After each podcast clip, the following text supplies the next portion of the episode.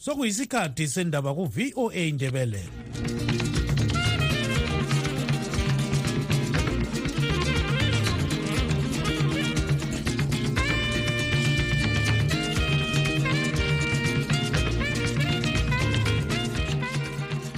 lami ngibonge utanono gawande obesipha indaba ngolimi lwesishona.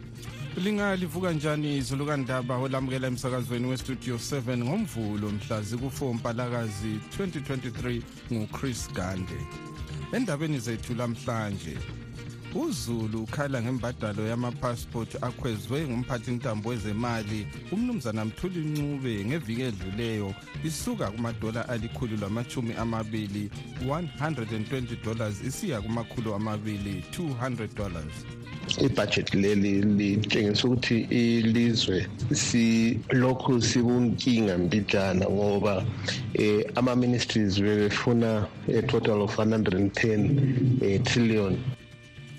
Bekuluthuli kobulawayo izolo amabandla azancintisa kukhetho lwama-by-elections ekhankasa. Abe-ccc bathi uzulu uzavotela bona. Abantu abayethuki lutho njalo bafuna ukutshengisa i-zanup f lobaba uchabango ukuthi bona bazondile ngalokho kwenzwa nguchabango bayazimisela izakhamizi yakhuluma phandle lana kungaze kube semjoveni emamakethe emasupermakethi ibandla lezanup f lona elenze umhlangano ecowdry park obukhokhelwa ngumsekeli kamongameli welizwe umnumzana constantino chiwenga lithi lilethemba lokuthi lizanqoba. Um njengoba ubona silapha eCountry Park silande ukuzokhuthaza amalunga ethu ukuthi basukume ngobuningi babo ukuyavota ngelanga lenhlaka-9 zonke lezi ndaba lezinye lizozizwa khonapha emsakazweni westudio 7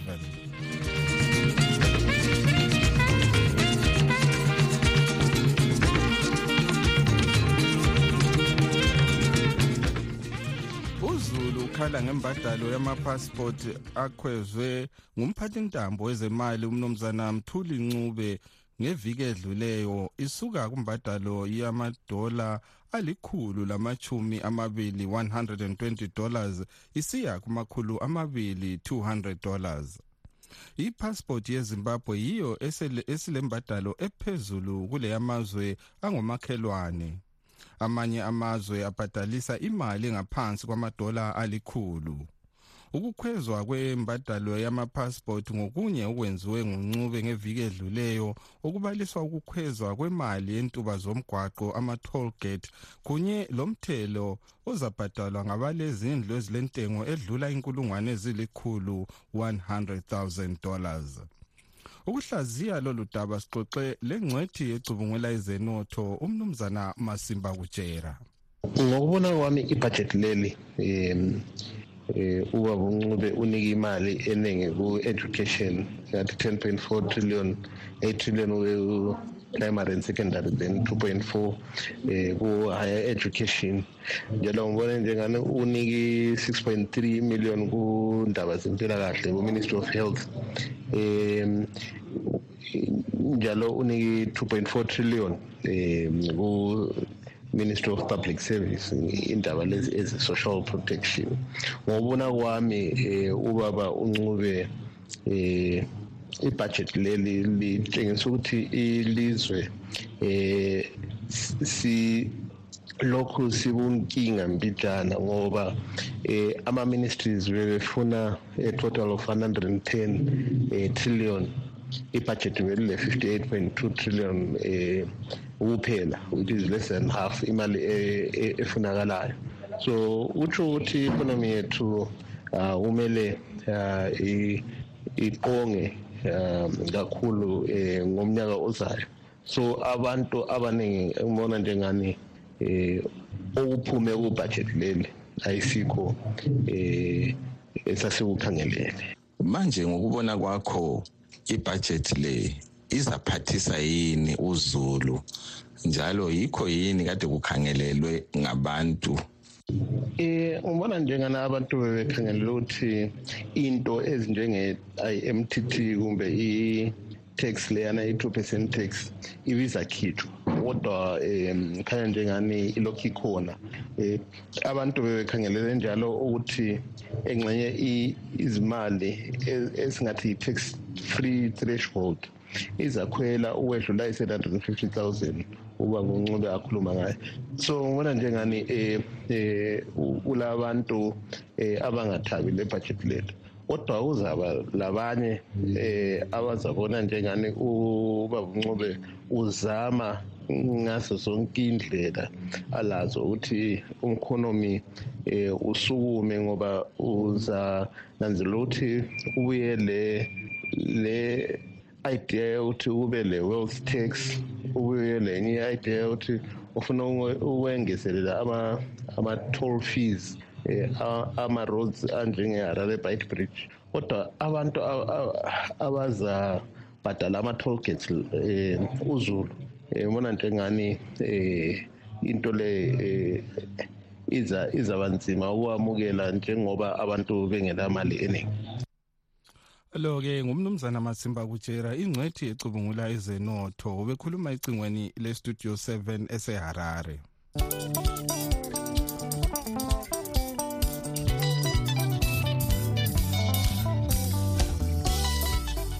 Bekuluthuli kobulawayo izolo amabandla azancintisa kukhetho lwama-by-elections ekhankasa.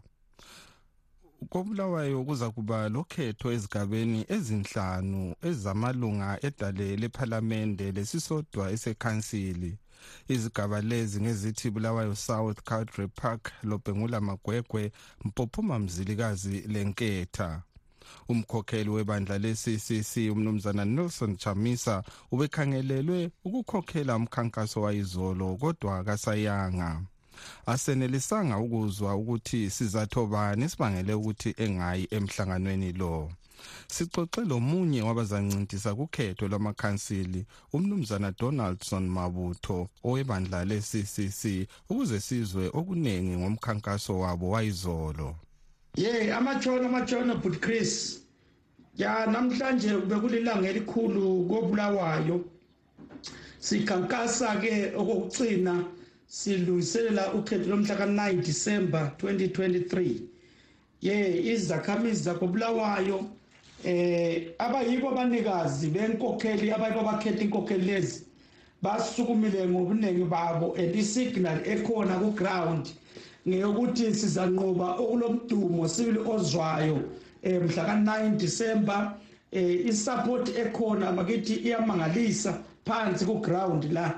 And abantu bakubulawa bazonde baganunwabo ngama illegal records ayenzwa ngubaba usengezo Jabana ngokubona kwakho abantu abasoze bayekela ukuvota ngoba besesaba ukuthi abantu ababavotelayo bayaxotshwa esikhundleni ubona ngani bazavota ngobuningi na?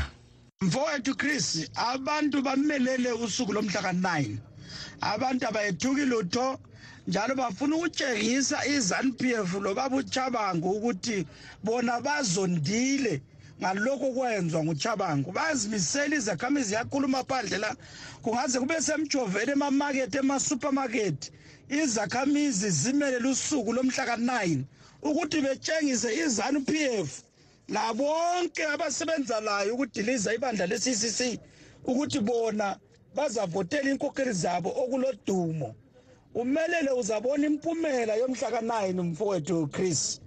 Njengakobulawayo lapha badobhi lutho abazoze bedobhe lutho. Lo-ke ngumnumzana donaldson mabutho ongomunye wabazancintisa kukhetho lwamakhansili. Kunjalo nje ibandla lezanu PF lalo libe lombuthano walo eCowdry Park lapho kade kulomsekeli kamongameli welizwe umnumzana Constantino Chiwenga onguye osaphethe isikhundla sikamongameli. Sixoxe lelunga lezanu PF umnumzana Elfas Mashaba obesembuthanweni lo. Eh njengoba ubona silapha eCountry Park silande ukuzokhuthaza amalunga ethu ukuthi basukume ngobuningi babo ukuyavota ngelanga lenhlakanayo so silethemba ukuthi eh sikhangela unqoba. Akukho okunye sikukhangele lo-ke ngumnumzana elfas mashaba ilunga lebandla lezanu p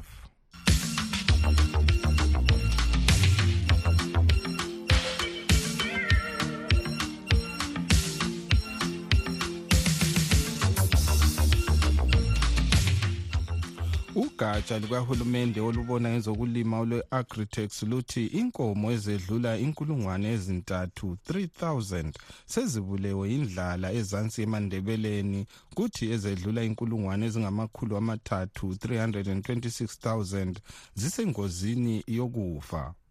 U-albert ncube usipha lolu daba ngokugcweleyo esegwanda. Isiphathamandla se-agritex umnumzana zondani mchema wethule umbiko othi iziqindi zemangwe bulilima gwanda kanye lematobo yizo ezihlaselwe kakhulu indlala lapho sekufe khona inkomo eziningi. Eziningi zifa ngesikhathi zizala kuthi ezinye zibanjwa ludaka emadamu asesitsha zidinga amanzi.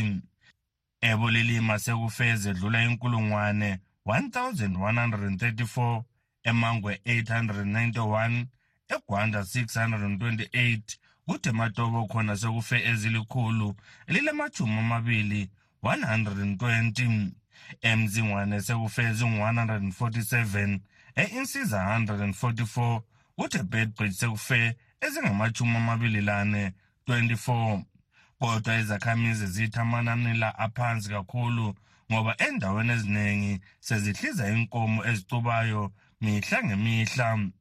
Umnumzana obejuma oyisakhamuzi semachiya ekwana north uthi seziphelile inkomo. Isimo sezifuyo vele sesisibi kakhulu ngoba sezisiwa amanzi kawasekho ukudla kakusekho. So inkomo seziqalisa ukuwa khathesi.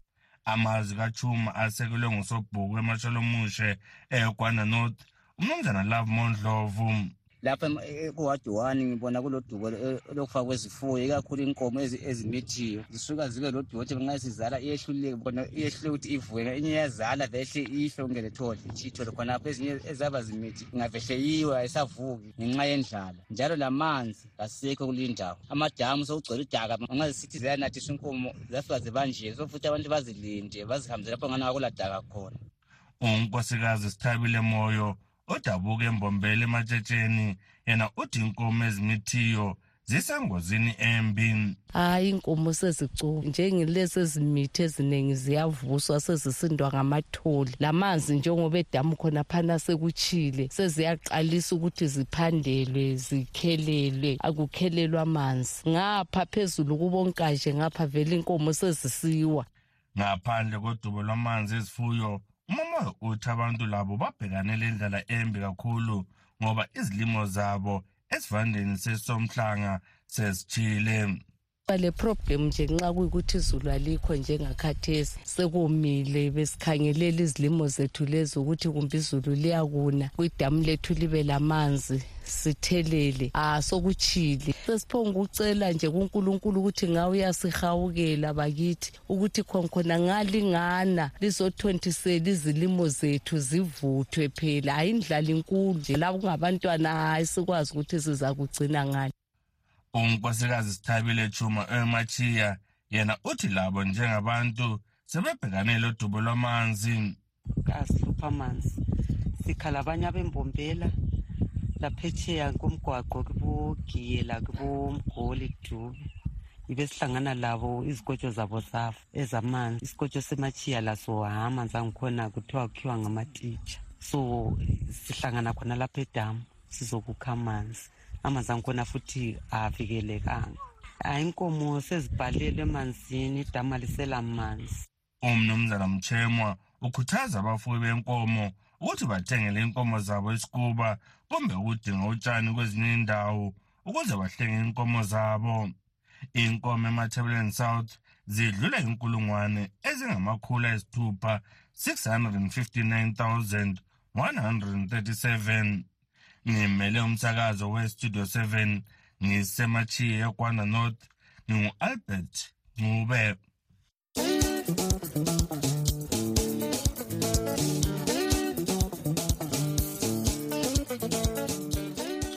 okwamanje ke sizwe okusemaphephandabeni achiyeneyo.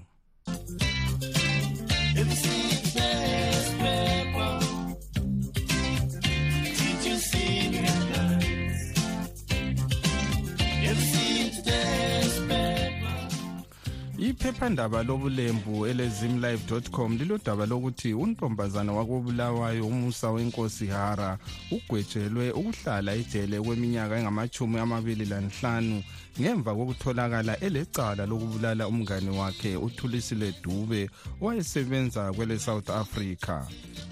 Omunye owayelohara ufarai michael mutasa othiwa nguye owakhama udube emoteni wazibulala ngemva kwesehlakalo lesi.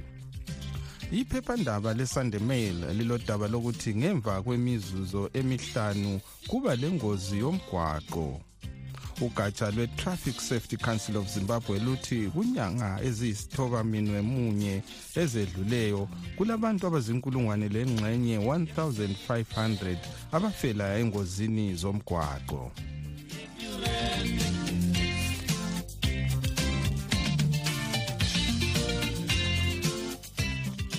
Okwamanje sengidedela emuva ngelichiya ezandleni zenu lina balaleli bethu kumbiko elisithumele nge-whatsapp.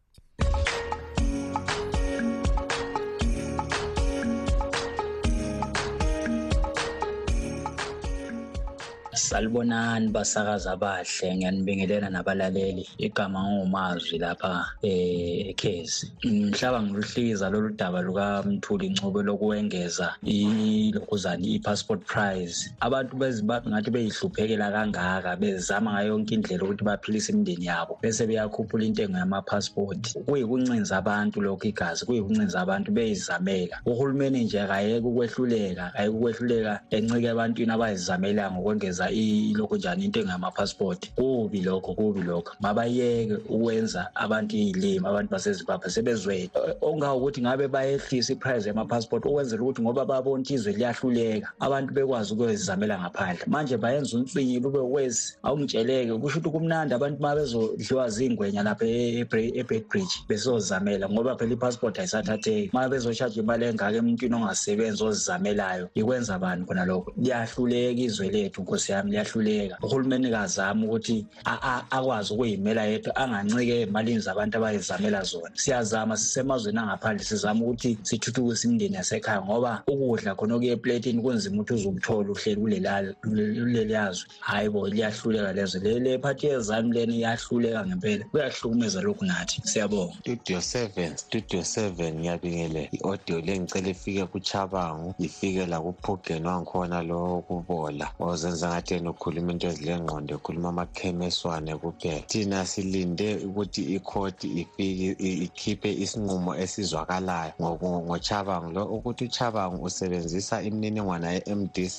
ukuzohlakaza i-triple c kanjani ma ukuthi amakhoti asebenza ngendlela elungileyo akwazi ukuyahlakaza izanu ngemthetho ngememba ye-triple c. Sicela amakhoti ebe ngamakhoti izanu ibe yizanu. Uchabangu lophugeni laba balala bembe bayizitabane bayatabanana betshana bekhohlisana besihlukumeza sinzalo yasezimbabwe. Bezenza ngathi bona bayakwazi ukukhuluma into eyo ngicela idlale i-audio le ifike endlebeni zabo chabangu lophugeni labo bazali bazali bantwana zihlobo. Sikhonapha ezimbabwe phakathi kwelizwe lokuhlupheka. Sihlupheka okokugcina abantwana bethu babuya bethule bevela phandle emazweni. Kodwa kuleli lizwe kusehlula ukuthi kulungiswe ngenxa abantu abangafuni umbuso omutsha okachamisa. Silobunzima obukhulu kakhulu.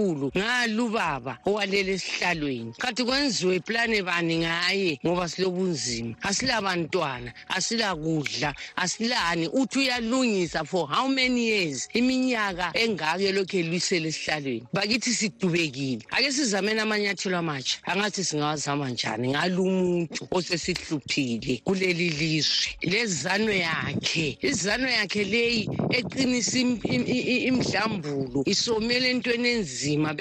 Bebona besalela ukuthi ngoba bona izano yakhe le iyona sidiniwe sikhathele asazi. Shuwa shuwa lokhu angazi ukuthi lo muntu uchamisa simfuna ngene uchamisa simfuna ngene esihlalweni asibuse asenzele esikufunayo. Lowo sesicedela abantwana emazweni bayapela kakahambe aphume kuleli lizwe asiyo walapha futhi lo muntu kahambe. Um linjani linjani kustudio seven igama igama lami ngingulakson chuma ngiphuma enkayi south constituencies ngihlala ku-ward 14 bengingikhansila lami owaxakwa izilingo zezanu ukufakelwa i-double candidate. Bengifuna ukukhuluma lami kustudio 7 ukuba ngilanulelwe libandla ngoba kulokutshonatshona lapha lalapho kungasiphi ukuqedisisa kwezombangazwe besicela ukuthi lathi samukeleke kustudio 7 salibonani ekhaya salibonani ekhaya lapha likhuluma nothepiso makwayiba. Indaba eyamile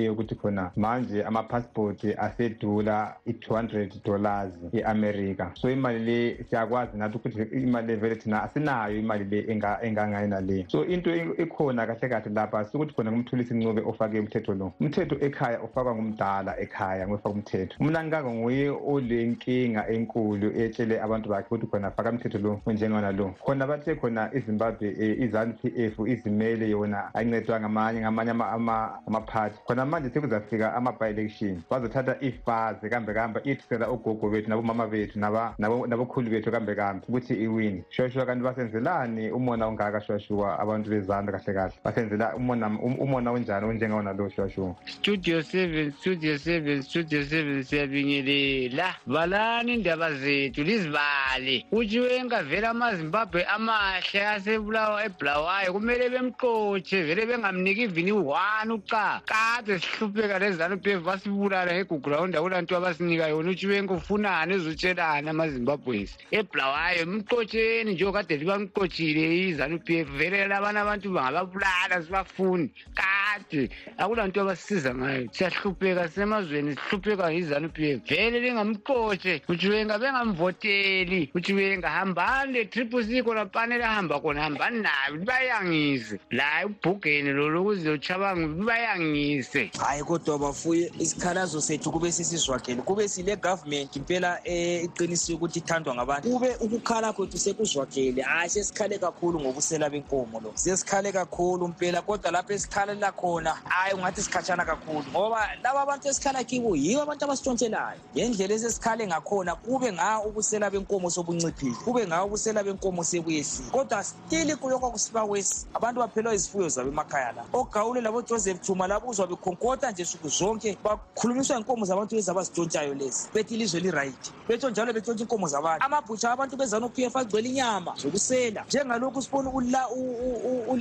wezanu p f losindiso betshontsha inkomo zabantu. Abezanu p f makhansila. Kambe umuntu ongavotela isela? Isela la lingavotelwa ngubani? Anti kusobakti abantu abakavavotelwanga labo qiniso liyavela ukuthi abavotelwanga abantu labo kambe ungavotela isela ukuthi lizokutshontshela inkomo zakho. Akekho umuntu abavotelayo abantu labo evidence iyavela iqiniso liyavela. Iye kulivotela isela khansela lezanu p f angu-two. Kusho ukuthi kabaqali vele basiqedele inkomo zabantu. Abantu bayakhala ngobusela bona yibo basiqedayo inkomo abantu labo amakhansela wezanu p f ayi leli lihlazo. Ukuthi bavotelwa ngubani? Umuntu ovotela isela elezanu p f ngubani ongalivotela nampo sebetshontshela uzulu sebetshontshela abantu. And lezo nkomo zadliwa nguchiwenga isela futhi umkalakata omgulukhulu sanibonani sanibonani kustudio seven sanibonani kustudio seven. Ngiyacela ukuthi i-audio yami iyibalwe bayizwe bonke abantu bakithi abezimbabwe. Engilethemba lokuthi bayalubona-ke udubo lalaba bavotela izanu p f. Naso sisithi amaphasipoti sesiya ku-two hundred and dollars. Yusa. Kambe ukuthi abalanhlonini bathi abantu bezimbabwe bayithatha ngayi-two hundred dollars. Hayi izehluleki zabantu lezi. Studio seven siyabonga. Ezilusizi kakhulu. Ubona ibhajethi le ethulwe ngumthuli ncube. Ethatha yonke sonke isizumbululo semali siyafaka kupresident. Kuthiwa president isofisi uthatha zonke izigidi zemali. Phezu kwemafia le abake bayithatha le gold mafia imali engaka bayoyithini ukuthi beqhatshe kakhulu ifazi ukuthi qeda abantu ngocelemba ayisasahlupheka kulela lizwe ngezanu. Bekele uthatha imali ebhajethi behambe beyothenga ukudla kubantu. Ezulu alini isomiso singaka. Abantu abalakudla abalamithi ezibhedlela abalamigwaqo kodwa bathatha imali yonke bayifuqela kupresident ngapha bayabona isomiso singaka ngabe bakhupha amadamu nje ukuthi bazi ukuthi umnyaka ozawumali isini izulu amanzi azoma kumbe beqedise izambe eziprojekthi lani awubheke manje ukuthi kwenzakalani ma kunje ngoba abantu abalakudla indlala ingaka kodwa ayikho into abayenzayo nje. Bathatha imali bafuna ukuyanika osengezo chabango leyo mali esasakubona okukhulu. Siyabonga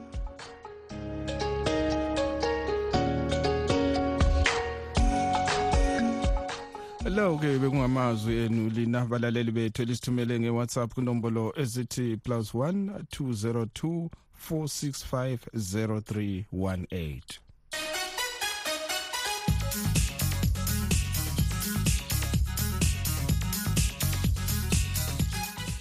kwezemelika impi yele Israel lebutho leHamas iqhubekele phambili kulokulwisana okwesabekayo.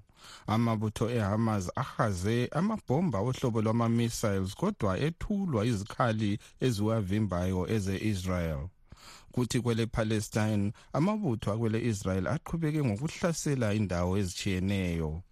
Kodwa kunjalo nje iziphathamandla zakwele Israel leze Hamas ziqhubekele phambili zikhulumisana ngokuthi kumiswe impi le utabo kancube westudio 7 uxoxe locubungula izombusazwe umnumzana stevenson dlamini njalo ongumbalisi ekolitshini le-national university of science and technology.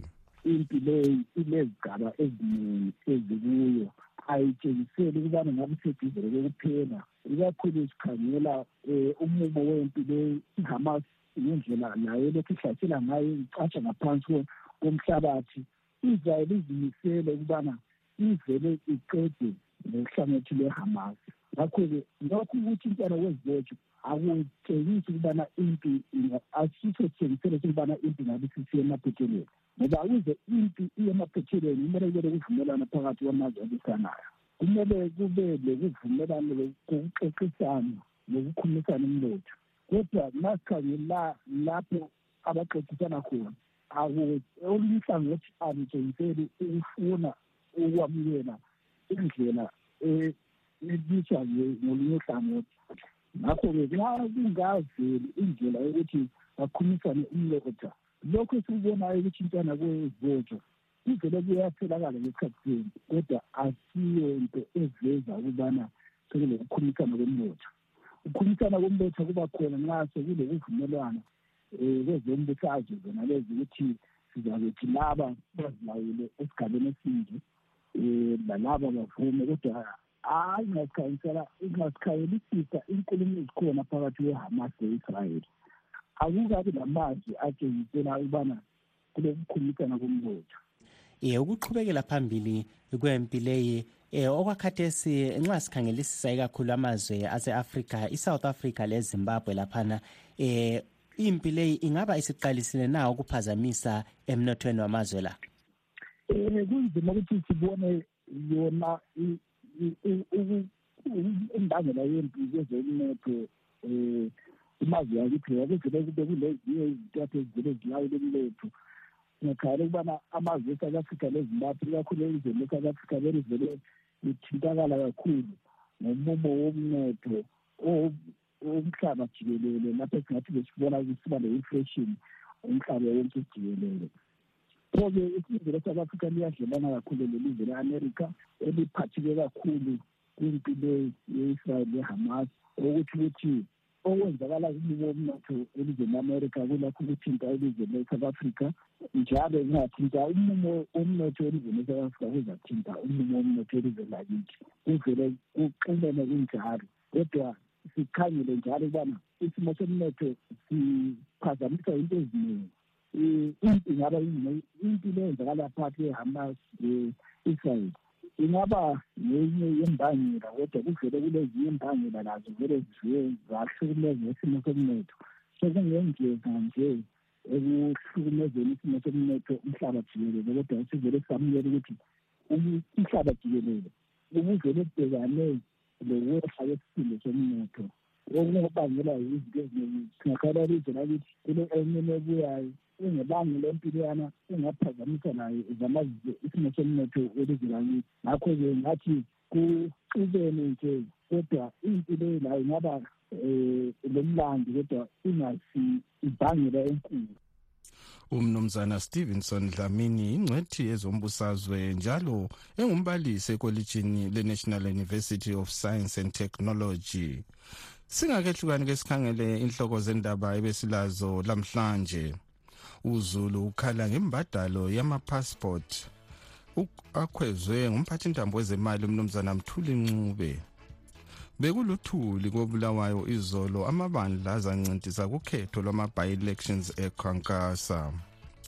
Aban silugqiba ke lapha uhlelo lwethu lwalamhlanje olivalelisayo igama lami nguchris gande ngisithi asidibaneni njalo kusasa sikhathi sinye kodwa silazo ezinye lamhlanje ntambama ngo-half past 7